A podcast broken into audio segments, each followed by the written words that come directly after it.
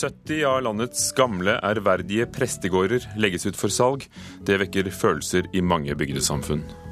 Når denne prestegården nå plutselig står på salgslista, så, så føler jo ikke at menighetsrådet og fellesrådet i Gausdal at de har fått mene noe om det. Sier presten i Vestre Gausdal. Etter 50 år med militærdiktatur blomstrer dokumentarfilmen i det tidligere Burma, Myanmar.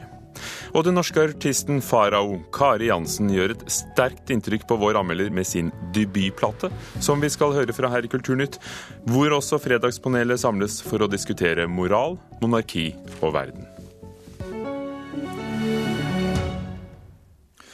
70 av landets eh, gamle prestegårder legges altså ut for salg. Det skjer etter at boplikten for prester ble opphevet 1.9. i år.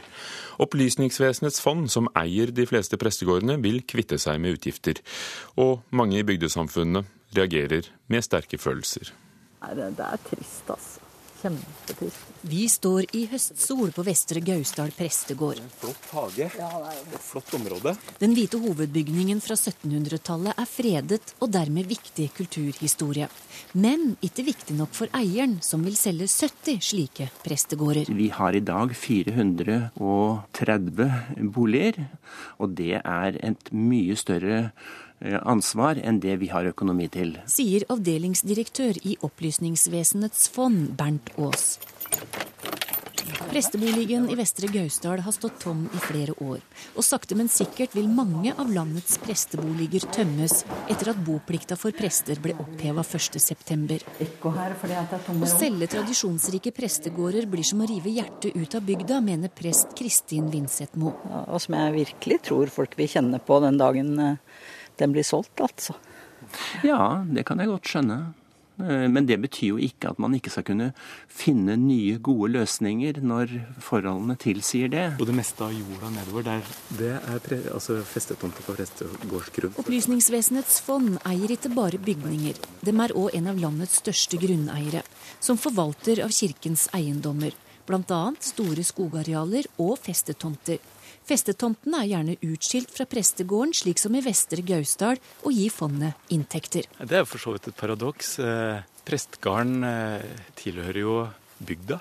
Og det er viktig at det, det lokale ikke tappes for eh, alt fra, fra bolig til verdier. Sier leder i det kirkelige fellesrådet i bygda, Jo Inge Sævik. Det lukter jo litt av at man skal kvitte seg med en utgiftspost og bli sittende igjen og skumme fløten. og det, det er ikke å ta samfunnsansvar, og det må de ta. For generalsekretæren i Fortidsminneforeningen, Ola Fjellheim, er mest opptatt av at bygningene, mange av dem freda, blir tatt vare på for framtida. En god privat eier er veldig mye bedre enn en dårlig offentlig. Så det behøver ikke være noen katastrofe at eh, de avhender. Men om man da går til det skritt å selge, så må man sørge for å gjøre det på en ordentlig måte, og sånn at eh, dette tas vare på videre. Det er litt avhengig av engasjementet, selvfølgelig. Altså Der hvor folk melder seg, vil vi jo ha gode prosesser, men der hvor vi ikke erfarer at det er noe engasjement, vel, der kan boligene bli lagt ut i markedet på normal måte. Det er lenge siden noen har vært på loftet i hovedbygget på Vestre Gausdal prestegård. De to siste prestene har takka nei til å bo der. Og Kristin Vinsethmo. Det er, det er helt sant. Eh, Det var eh, et valg jeg tok da jeg begynte og hadde mulighet til å velge. Men da sto ikke prestegården for salg heller.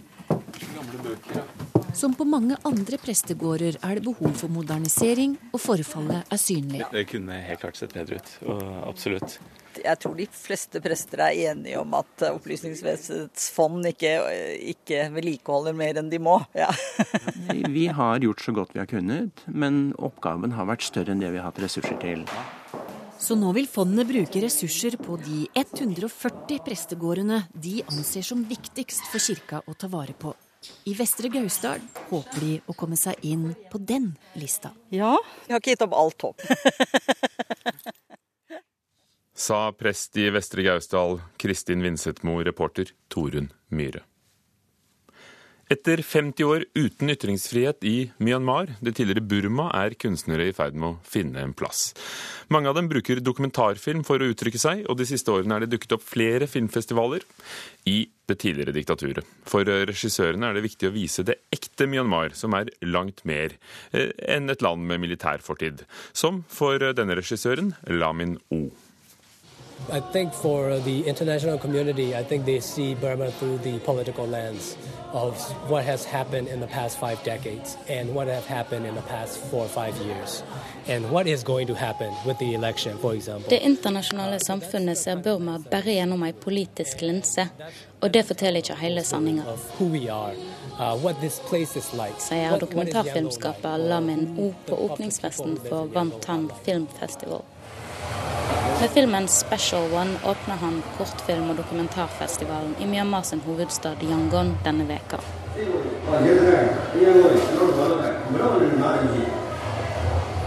Filmen om fiskeselgeren som elsker fotballaget Chelsea og kjøper laget sine trøyer til alle som jobber for seg, får fram mye humring i salen og stående applaus under rulleteksten.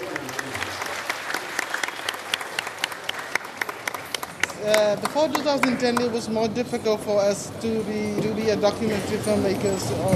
Uavhengig film i Myanmar har hatt liten sjanse til å blomstre under 50 år med militærdiktatur, forteller grunnlegger av festivalen, Taidi. But like Mainstream-film, mest i form av såpeopera produserte bare på DVD, er stor industri her. Men Vantan var den første scenen for dokumentar- og kunstfilm. Siden den starta som den første filmfestivalen like etter at landet fikk en ny sivil regjering for fire år siden, har det forandret seg.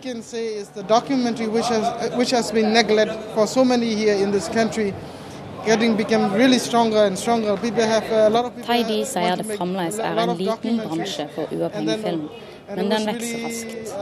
Særskilt er det mange dyktige kvinnelige dokumentarskapere som skiller seg ut. Why do you want to be a film director? Um, so, yeah, to tell a story. Yeah, en av dem er regissør Anna Biakta Maui. Filmen hennes 'The Barber' viser hverdagen hos en barberer i Yangon. Den snakkesalige barbereren forteller om da han blir frakta landet rundt for å klippe håret til en minister og hvordan den samme ministeren nekter han å bruke elektrisk barbermaskin, og truer han med bank om han kutter han med barberhøvelen. Uh, Selv om alle filmer fremdeles må gjennom et sensurstyre før de kan vises, er det flere filmer som tar opp temaer som er kontroversielle i Myanmar. Som religiøs konflikt, menneskerettsbrudd og militæret i fremdeles svært sterke rolle. Likevel er det den vesle historien som gråt.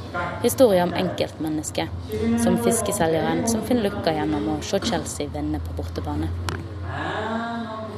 I think there are stories that could be told that are universal uh, everywhere, that are not all political. Lamin O vil vise universelle verdier i de små uh, historiene. So that that is the kind of angle that I want to take the audience to. I want to show something a little bit different. Og vår reporter i Myanmar er Maria Pile Svåsand. Filmproduksjonsselskapet Storm Rosenberg legges ned etter at Beatles ble fjorårets kinoflopp. Det skriver Dagens Næringsliv. I 2013 hadde selskapet 29 millioner kroner i gjeld. Før premieren hadde produsentene regnet med å selge 600 000 billetter til Beatles, filmatiseringen av Lars Saabye Christensens roman, men bare 71 600 så filmen. Klokken er 17 minutter over åtte. Du hører på Nyhetsmorgen i eh, NRK. Det var tekstmeldinger som førte til drapsmistanke mot en 14 år gammel gutt i Søgne. Gutten har vist politiet hvor drapet på en jevngammel jente skjedde. Terrorgruppen IS har lurt andre tidligere. Regjeringen må skaffe bevis for at det norske gisselet i Syria lever, mener en britisk sikkerhetsekspert. Kredittkortgjelden blant unge øker. Forbrukerombudet krever strengere regler for markedsføring av kredittkort til ungdom. Dette er hovedsakene i dag, som vi kommer tilbake til eh, i Nyhetsmorgen frem mot klokken ni. Men eh, foreløpig hører du på Kulturnytt. Og her er Fredagspanelet samlet til dyst. Velkommen til medie, medredaktør i Minerva, Anna Katarina von Matre. Takk skal du ha. Marit Karine Slåttnes, debattredaktør i Morgenbladet. Takk. Og Kjell Lars Berge, professor i retorikk ved Universitetet i Oslo. Takk. Jeg lar dem si, lar dem si hei og sånn, for da kjenner vi dere igjen etterpå. Øvelsen er jo da at vi begynner med et ja eller nei, og første spørsmål handler om denne damen. Many, including you, First Minister, have also kindly noted another significance attaching to today. Although it is not one to which I have ever aspired.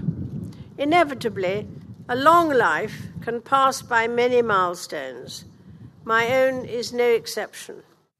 Onsdag ble dronning Elisabeth den lengst regjerende monarken i Storbritannia. I sitt 63 år og 219 dagers regjeringstid har hun aldri gitt et intervju.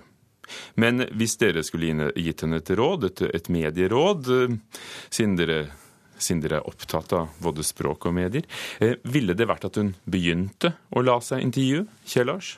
Absolutt. Ja. Anna Katarina? Nei. Og Marit Karine? Nei. Hvorfor dette ja? Ja, Hun er jo monark. Hun er jo ikke bare monark og dronning over Storbritannia, men hun er jo over en stor del av verdens befolkning. Australia, New Zealand osv. Det er klart en så viktig person som jo har en sånn viktig rolle, må kunne la seg intervjue. og Særlig fordi at hun representerer en institusjon som er ekstremt eh, gammeldags og konservativ. Og det er veldig pussig å ha et monarki et, eh, som har røtter fra imperialismen. da som, som, i et demokratisk samfunn. Jeg syns det er mange ting man burde ha snakka med henne om. da. Hun kommer jo også fra en veldig spesiell familie, om jeg får si det sånn. så så det er jo en... Eh, så du vil gjerne ha et sånt hjemme hos Sinti og høre om familien? Ja, men, eh, ja selvfølgelig. For det er, jo, det er, jo, egentlig en tysk eh, monarkisk familie. De heter egentlig Saksen-Coburg og kommer også Hannover. De er jo ikke mer britiske enn meg, for å si det sånn. Sånn, sånn at det, det, er jo mye interessant kulturelt å snakke med. Men jeg er ikke så sikker på om hun hadde svart spesielt interessant på de spørsmålene. Det, det er noe helt annen sak. Men dere vil gjerne at hun fortsetter å, å holde munn. Hvorfor? Ja, altså, først da, Hvis jeg trodde at vi hadde mulighet til å få henne eksklusivt i Morgenbladet, så ville det bare vært å trykke på knappen for å få argumentene for hvorfor det ville vært riktig og viktig av henne å gjøre. Eh, men hvis jeg var hennes medierådgiver, så er svaret selvsagt nei. Eh, hvorfor endre en mediestrategi som har vært vellykket i 63 år? Eh, populariteten til det britiske kongehuset skyldes jo, som det er blitt sagt mange ganger, eh, nettopp den store distansen mellom de kongelige og folket, i motsetning til det norske, som bygger populariteten sin på folkelighet. Eh, ja, altså Kronprinsen her i Norge ga et intervju nylig. Ja. Økte det hans popularitet? Nei, altså det norske kongehusets kontrakt med publikum det eh, om å være akkurat som oss, det slår tilbake på dem når det viser seg at de ikke er det. Når det blir åpenbart. Og da må jeg slenge på et men eh, til mitt tidligere svar. For Hvis det var den engelske dronningen som hadde bada i flyktningelik i Middelhavet i sommer, så ville hun også blitt avkrevet Eller det ville kanskje vært naturlig å avkreve henne også en forklaring. Eh, nå er det jo ikke sånn at selv om folk drukner i Middelhavet, at det nei, nei, nei. er Ja. Anna Katarina von Matre. Ja, jeg velger litt samme linjen. Litt sånn uselvisk nesten å gi henne det rådet. Um, fordi altså, Tenk på den damen. Tenk så spennende det hadde vært å høre uh, hva hun har å si. Um, hun har på en måte vært igjennom hele uh, Altså, hun tiltrådte i 1953, ble hun kronet. Eh, hun betalte brudekjolen sin med rasjoneringsmerker fra krigen. Og så har hun liksom gått igjennom hele denne her, eh, eh, avkoloniseringen av Afrika, Asia. Eh, likevel så står hun så sterkt. Men det med brudekjolen, tror du ikke det er like, like, like naturlig for henne som at kong Olav tok trikken én gang? Og det kan jo hende. Altså jeg, jeg, er ikke sikker på om det diskusjonen rundt Håkon Magnus i sommer har vært så til svekkelse for verken han eller kongehuset. Jeg tror at dette er noe som noen pressefolk er opptatt av og syns er veldig viktig å lage en sak av. Jeg tror For de fleste i Norge så står han fram, altså Håkon Magnus fram som et forbilledlig kong, kongsemne når han først skal ha monarki. da. Rett og slett fordi at han henvender seg ut i befolkningen på en tydelig måte. Men han gjør det også på en måte som vekker stor begeistring, og han er flink til å snakke og sånn. sånn at jeg kan ikke se at det er noen motsetning med å være kongelig og være tilgjengelig og folkelig. og jeg synes at det må være noe med det britiske samfunnet, særlig da den engelske delen av det, som, som, er veldig konservativ, og som ønsker på en måte stabilitet i institusjonene, som gjør at hun kan spille på det hele tida, og, og, ikke la seg utfordre av folk som er litt nysgjerrige på henne. Da. Men det ser da ut til å være en vinneroppskrift? Ja, så vinner og vinner. Vi får nå se hvordan det går med neste generasjon, da. Det er jo ikke sikkert at det blir sånn da. Vi går eh, videre. Denne uken skrev Åge Aleksandersen at han og musikerne hans gir 10 000 kroner hver av honoraret fra helgens spillejobber til Norsk Folkehjelps arbeid for å bedre flyktningers situasjon. Mange forventer det, at artister stiller opp i krisesituasjoner gratis. Har vi egentlig god grunn til å ha disse moralske fordringene til, til artistene? Bør artister og musikere stille opp i større grad enn vanlige folk? Ja. Nei. Nei. Nei. Men, men uh, hvorfor gjette ja? Uh, ja uh, Jeg sier ja. Ikke som et krav eller som et imperativ, men som en mulighet. Kunstnere og artister har en oppmerksomhet retta mot seg som gir dem muligheten til å reagere raskt på en måte som får andre til å følge etter. Og George Harrison var vel den første som eh, benytta seg av den muligheten. Og jeg er selv for ung til å huske katastrofen, men konsertopptaket av Bangladesh, eh, som jeg fant på YouTube en gang jeg lette etter noe annet, det, det, blir jeg fortsatt, eller det blir jeg rørt av. Og for min generasjon, jeg er født i 1974, så er det vel Bob Geldof og We Are The World som er det store initiativet som alle husker. Og ingenting er lettere enn å latterliggjøre den type middel- og skravleklasse eh. Men eh, ingen kan kreve at artistene stiller opp heller. Men eh, det er etablert en tradisjon for det, og den tradisjonen syns jeg ikke det er noen grunn til å avvise. Altså, moralsk sett så er det jo åpenbart ikke noen eh, Kan vi ikke stille noe større krav til, til artister enn vi gjør til oss sjøl. Det som er litt interessant her, er jo kanskje at jeg er litt usikker på hvor, mye, hvor stor effekt det har at Åge Aleksandersen gir 10 000 kroner til Syria. Det er vel kanskje ikke det som skaper engasjementet for eh, Syria-flyktningene akkurat nå. Det gjør jo det gjør mediene, det gjør andre kanaler, da. Det er fulle hus da når han spiller. Kanskje folk får en god idé selv? Ja, men jeg tror, jeg tror, kanskje den ideen kommer fra andre steder enn fra Åge Aleksandersen akkurat nå. Men han kunne jo kanskje Det er kanskje andre konflikter, eh, andre situasjoner der det er viktigere at kjente mennesker bruker oppmerksomheten sin til å eh, ja, til å videreføre den til en god sak, da, enn akkurat nå. Kjærar? Nei, jeg sier nei, ikke fordi at eh, jeg er mot at kunstnere og artister stiller opp for gode saker. Altså, En av mine helter i ungdommen og barndommen, jeg, det var Bangladesh, altså George Harrison. og jeg hørte, jeg husker jeg opplevde den konserten fantastisk. Den singelen er forresten veldig bra. Uh, hans singel. Sånn at det, det, er selvsagt. Og Beatles jo, var jo fascinerende, og John Lennon ikke sant? og alle de gutta der var ordentlige fyrer.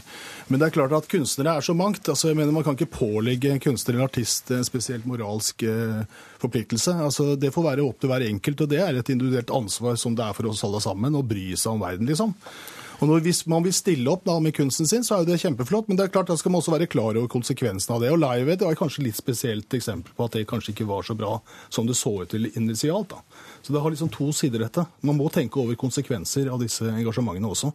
Absolutt, helt enig i det. Men hvis jeg bare kan få siste ord, så vil jeg bare si heia Åge. Morgenbladet er med. Sammen for livet. Sammen for livet. Eh, du nevnte verden. Jeg vil at vi skal bruke et par minutter på, på å forstå verden. For den svenske legen og, og, og professoren Hans Rosling har kastet inn følgende brannfakkel i diverse intervjuer i Skandinavia denne og forrige uke. Man kan ikke høre på media hvis man vil forstå verden. Har han rett? Nei. Ja. Uh, nei. Hvis han har rett, Anna Katarina von Matre, hvem skal man høre på da, hvis ikke media? Nei, Nå valgte jeg jo litt det litt tabloide svaret her, da. Um, det lyktes, du fikk forsiden. Kom igjen. Man kan jo ikke bare høre på media. Den, den eh, kritikken som han anlegger, det er hovedsakelig to ting han kritiserer mediene for. Det ene er at de eh, velger sakene sine skeivt. De velger negative saker istedenfor å vise at det skjer positive ting i verden. Det er jo for så vidt altså, Hvis man leser nyheter daglig, så, så, skjønner man jo at det for så vidt er riktig. Det er mer eh, katastrofer i mediene enn det er gladsaker. Um, og det er jo bare sånn mediene er laget, så det er for så vidt greit. Den andre går på at um, journalistene vet for lite. Uh, der kan man jo kanskje Vanskelig å få belegg for det. Vi kan jo synse litt. Uh, det kan godt tenkes at han har rett i det. Morgenblad-debattredaktør, journalistene er dumme, vet for lite, og mediene velger skjevt. Er det sånn? Um, jeg sa jo nei, uh, men jeg tror at de fleste av oss som jobber i mediene, har lyst, litt lyst til å si ja uh, på det spørsmålet. Uh, for ingen vet jo bedre enn oss at man ikke kan stole fullstendig på mediene. Fakta kan brukes på forskjellige måter, og statistikken kan også presenteres med en vinkel så jeg er langt på vei enig med Rosling i mediekritikken. Men jeg tror at de beste av oss som jobber i mediene, vi drømmer om å gjøre det som han gjør. Eh, avsløre makten og avkle fordommer. Altså For min del så, så, så er, opplever jeg Rosling som først og fremst kritikk av dårlig journalistikk. Altså Vi trenger gode journalister, vi forskere. Og jeg er jo professor, ikke sant. Vi, vi kan ikke forventes å være perfekte formidlere. Vi trenger journalister, vi trenger gode formidlere der ute, og det tror jeg vi forskere må akseptere. Nå, nå er jo kritikken til Rosling veldig klassisk. Så den, jo, den kritikken førte til Platon også i sin tid. Sånn at det uh, alltid vært sutra liksom, uh, over disse tingene, altså. Bare så det er sagt. Takk skal dere ha, kjære fredagspanel. Kjellars Berge, Anne Katarina von Matre og Marit Karine Slåttnes. Kulturnytt var ved Thomas Alverstein Ove og Ugo Fermarello, programleder.